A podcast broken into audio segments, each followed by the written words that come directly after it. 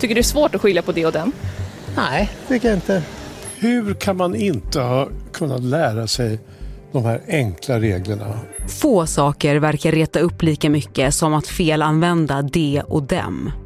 Språkpoliser hytter med näven, andra ger välmenande råd. Om man ska skriva med skriftspråk, då är det det eller dem som gäller. Men snart kan allt det här vara historia. På en kvart får du veta varför de i talspråk också kommer bli de i skriftspråk. Och varför det inte beror på en allmän förslappning. Dom, dom, dom, dom, dom. Det är en kampsång. Ja. Det är måndag den 13 juni. Jag heter Fanny Härgestam. Det här är Dagens Story från Svenska Dagbladet.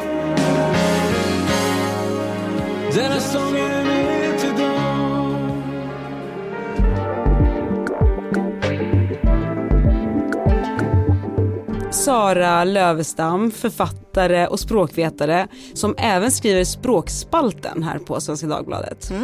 Du, eh, blir du upprörd när folk skriver fel på de och dem? Upprörd är ett starkt ord. Eh, det är mer så att jag stoppas upp i min läsning när det står fel på det och dem. Ganska rejält. Eh, jag får inte det här läsflytet. Så på det sättet så stör det mig. Men du får inte hjärtklappning liksom Jag och känner hur du blir varm? Nej, jag blir inte arg på den som skriver det. Men ser det tillräckligt mycket i etablerade sammanhang som dagstidningar och eh, ja, sånt som borde vara korreläst, romaner till och med. Då kan jag börja tänka att eh, aha, det kanske är en förändring på gång. Mm, liksom, varför har det blivit svårare att göra den här distinktionen? De tillfällen där man har hört någon säga det och dem har blivit färre och färre. Eh, förut kanske man hörde det i kyrkan. Folk sa det och dem i tal. Eh, folk sjöng det och dem i salmer sjöng man det och dem. Så det är väl den vanligaste förklaringen till att det har blivit eh, svårare eh, eller att det blivit värre som vissa skulle kalla det. Om det nu har blivit värre. Men du, du har ju skrivit, eh, inte minst här i Svenskan, om att vi snart kommer gå över till att skriva dom, liksom D-O-M, även i text. Och jag tänker på det här med dina texter och när du skriver om den här typen av ämnen, vad får du för reaktioner? Re- reaktionerna var inte så starka som jag hade förväntat mig, men jag tror det beror på att jag skrev utifrån vad jag har lagt märke till. Det var inte att jag drev en linje, utan jag skrev mer att jag tror att vi är på väg dit. Jag lägger märke till att väldigt många, även välutbildade, även vuxna, skriver fel på det och dem och jag tror att vi nu är på väg mot att det kommer att bli ett enhetsdom. Eh, och då var det ju många även då språkpolisiärt eh, lagda personer som höll med mig. De har också sett de här, eh, att, att det här felet har blivit allt vanligare. Eh, Om det är så att det blir allt vanligare, då måste ju en av två saker hända. Antingen ska man ta krafttag mot detta eh, i skolorna eller så måste man börja leka med tanken på att göra det som svensk språkvård alltid har gjort. Låta skriftspråket följa talspråkets förändringar när de har slagit igenom tillräckligt brett. Ryan Reynolds here from Mint Mobile. With the price of just about everything going up during inflation, we thought we'd bring our prices down. So to help us, we brought in a reverse auctioneer, which is apparently a thing. Mint Mobile unlimited premium wireless. Ready to get 30, 30, bit to get 30, bit to get 20, 20, 20, bit to get 20, 20, bit to get 15, 15, 15, 15 just 15 bucks a month. So, Give it a try at mintmobile.com slash switch. $45 upfront for three months plus taxes and fees. Promo rate for new customers for limited time. Unlimited more than 40 gigabytes per month. Slows. Full terms at mintmobile.com. De är de och det, det är det. Det är det. Debatten om de och dem är långt från ny. På 60 och 70-talet blev talspråksformer i ropet och många fick till och med lära sig i skolan att skriva mig, dig och sig som de låter med J. Eller ord som jos, J-O-S, ledsen med två S och morgon med två R. Mycket av eh, kruxet och fnurrorna mellan oss människor tror jag beror på att vi inte förstår varandra. Frågan om dem hängde med i samma diskussion. Man skulle helt enkelt skriva som man pratade och inte krångla till det. Ta din gamla cigarett och cykla till Bahamas för fan alltså. Och käften. Det passar du alltså. Men idag handlar debatten mer om att så många verkar svårt att skilja på det och dem. Vad tycker du om dem som provsmakar lösgodis i butiken? Alltså dem. Eller dem. Det, det ska jag vilja säga. Det, det blir det. I ett SvD-quiz på nätet har bara drygt 1% haft alla rätt. Av de 180 000 gånger quizet fyllts i. Vissa lärare och språkvetare menar därför att det vore bäst för alla att slopa distinktionen mellan det och dem och göra språket enklare. Varför är det så svårt att skilja på dem? Det borde inte vara svårt och det är många, många mejl då till språkspalten som säger att eh, det borde inte vara svårt och vissa som, som är ganska hårda och säger att eh, vi ska ha kvar det och dem för då skiljer vi ut idioterna från eh, de vältänkta människorna. Men anledningen till att det är så svårt är helt enkelt att vi säger dem.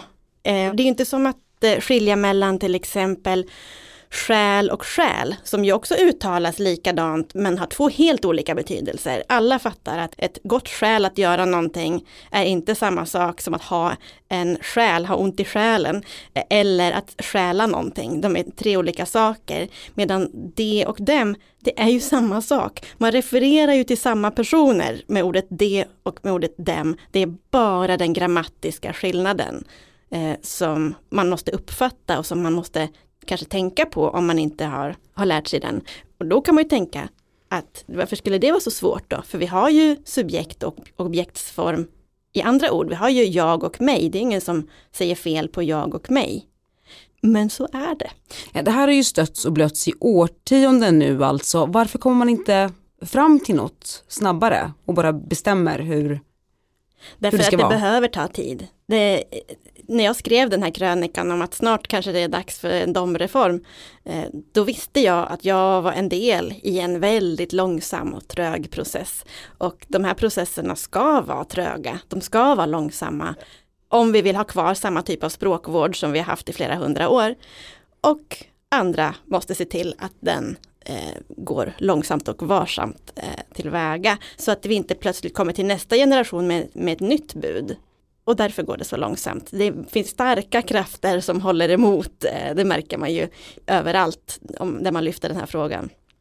Vem är det då som bestämmer vad det är som är rätt i svenska språket? Det är ju en kollektiv process där det inte finns en person som bestämmer det här. Det är inte så att kungen skulle kunna gå ut eh, och säga att nu ska vi skriva dem. Men om kungen skulle säga, jag, jag, nu börjar jag skriva dem i alla fall, ja, då skulle det påskynda. För att om det är några med hög status som bestämmer sig för att gå i, i bräschen, då går det snabbare. Om vi för ett ögonblick tar oss tillbaka hundra år i tiden till när vi hade pluralformer på verb. Vi skrev väldigt, väldigt länge. Vi komma, men jag kommer. Men man sa vi kommer. Eh, och då var det ju ganska prominenta författare som, ja men eh, Selma Lagerlöf var en av de första som skrev Mm. i dialog vi kommer. Det tog flera decennier innan det sen etablerades och eh, tidningarnas telegrambyrå på 40-talet gick ut med att nu kommer vi börja med singularformer. Det blev ju ramaskri då, det blir ramaskri nu, allt är som det ska. Men så om vi här på svenskan då, då i morgon skulle byta ut det, dem mot dem i tidningen, vad tror du skulle hända då? Två saker.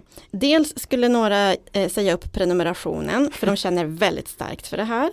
Dels skulle det påskynda hela resten av det svenska samhällets väg mot ett enhetsdom. Det är den 3 juli 1967. Läkaren Bror Rexed har just blivit generaldirektör vid den svenska myndigheten Medicinalstyrelsen. Han ställer sig upp och håller ett välkomsttal till personalen som förvånas. Den nya chefen förklarar att det hädanefter ska bli förändringar. Han ska lägga bort titlarna och säga du till alla. Och de anställda ska säga du till honom. Och vad skulle folk säga om vi plötsligt börjar säga du till varandra? Ja, vad skulle folk säga? Det där talet slog ner som en bomb i den svenska pressen. Och nu i efterhand ses Bror Rexed som en galjonsfigur för den så kallade du-reformen. Förmodligen den viktigaste språkhändelsen i Sverige under 1900-talet. Vad önskar professor? Jag tycker inte fröken Agda att vi som har känt varandra och varit så goda vänner i en hel mansålder att vi skulle kunna lägga bort titlarna och säga du till varandra. Nej, det tycker jag verkligen inte. Många blev lättade över att slippa det krångliga systemet som hade gällt fram tills dess med titlar som redaktör Berglund, doktor Andersson eller pluralsformen ni. Direktör Ekdahl måste vara försiktig så att han inte blir hos män. Men förutom det rent språkliga så var du-reformen politisk. Hierarkier skulle bort och jämlikhet genomsyra hela samhället, även hur vi pratade med varann. Du, får jag fråga dig, vad heter den där glassen? Du, du, ska jag tala om en sak. Jag sticker omedelbart och köper en sån. Du, inte visste jag att T-sprit var bra till så mycket. Visste du det? Men det skedde inte över en natt. Länge var många osäkra på hur de skulle tilltala varann och hittade kreativa lösningar för att undvika direkt tilltal, som passiv form. Ska det drickas lite kaffe? Något i kaffet? Vad sägs om hjortronlikör? Titta, ska det bli lammgryta nu? Ja, jag tänkte faktiskt prova det där receptet. Men du Sara, det där har ju börjat luckras upp igen, det här med ni och du. Alltså jag blev faktiskt niad av en ung kassör häromdagen. Eh, Känner mig plötsligt väldigt gammal. Va, vad är det som har hänt? Jag blev faktiskt viad av en servitris. Så här, vill vi ha något mer? Vill vi beställa en förrätt? Ehm, nej men det som har hänt är att eh, framförallt unga människor som inte var med och som inte ens levde i ekot av du-reformen eh, har kanske varit ute och rest eller kanske bara rent socialt känner ett behov av att eh, kunna tilltala någon på ett artigare sätt eller med den här eh, avståndet igen. Det är ett Mm. socialt avstånd när man kallar någon för ni i många andra språk. Och de har inte med sig det här. Så då, som, som vi, jag föddes i ekot av du-reformen. Jag växte upp medveten om att vad skönt att vi alla säger du till varandra. Eh, det tror jag inte att unga idag gör på samma sätt. Eh, och därför tror de att de bara är artiga. Och då vi som eh, är uppvuxna med att det inte är artigt att man absolut inte ska säga nej, vi blir ju lite stötta. Kanske känner vi oss gamla eller så känner vi oss bara, eh, om man är helt medveten om hela processen, så känner man för att kanske läxa upp människan och säga, vet ni hur jobbigt det här har varit ända sedan 1700-talet, hur vi ska titulera varandra, så har vi äntligen kommit fram till en du-reform och så ska du stå här och förstöra. Det säger man ju inte för din stackars liksom, sms-inringd timarbetare som står där och försöker vara artig. Nej, jag sa ingenting. Nej, men eh, det man kan göra då som Eh, person som blir lite kränkt av det är väl helt enkelt att försöka ta in att det här är ett annat sorts ni än det niet som vi växte upp med att man inte ska säga till folk. Det här är ett artigt ni, det här är en person som försöker vara artig. Jag tycker det är svårt. Jag försöker tänka så, men jag, uh, man vill vara lilla fröken, kan gott säga du. Men du, sista frågan, jag tänker att man bara återvänder som hastigast till det och dem. Eh, kanske är det då ett eh, minne blott nu, men jag tänkte ändå att vi skulle avsluta med att du ska få lära oss att skilja på det och dem i Mm. text. Ja.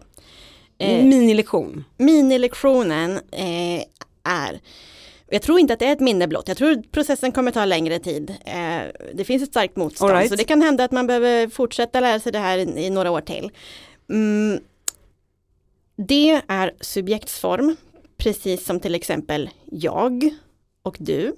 Dem är objektsform, som till exempel dig och mig. Eh, så om du skulle säga jag i en mening, då byter du ut den mot det. Om du på en annan plats i meningen skulle säga mig, då byter du ut det mot dem. Men visst finns det tillfällen där båda kan vara rätt? Ja, och det är det här som gör att det är så oerhört få eh, som får alla rätt på eh, Olle Josefssons test i Svenska Dagbladet. Jag fick inte alla rätt, Nej. långt från. Och det beror på att det finns vissa formuleringar med som, där man säger till exempel jag älskar de som eh, duar mig i affären till exempel. Då har vi ju jag älskar dem, då är de objekt. Man skulle säga jag älskar mig, objektsform. Men sen kommer det ett som duar andra i affären. Vem är det som duar? Jo, det är ju dem. Det, Det är ju liksom, och det är ju subjekt då. Som, så samma ord som är objekt i huvudsatsen är här subjekt i bisatsen. Hmm. Och i sådana specifika tillfällen, då kan man skriva både de och dem idag. Men traditionellt har man sagt att dem gäller, det är huvudsatsen som gäller. Då har vi koll på det. Tack Sara Lövestam för att du kom till Dagens Story. Tack för att jag fick vara här. Hey, I'm Ryan Reynolds. At Mint Mobile, we like to do the opposite of what Big Wireless does. They charge you a lot, we charge you a little. So naturally, when they announced they'd be raising their prices due to inflation, we decided to deflate our prices due to not hating you.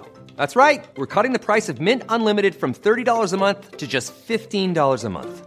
Give it a try at mintmobile.com slash switch. $45 upfront for three months plus taxes and fees. Promo rate for new customers for limited time. Unlimited more than 40 gigabytes per month. Slows. Full terms at mintmobile.com.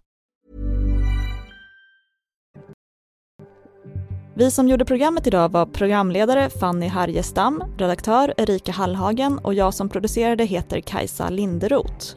Klippen du hörde kom ifrån TV4 Nyhetsmorgon, URs Skrivbolaget, Till de ensamma av Mauro Scocco, salmen Jag kan icke räkna dem alla.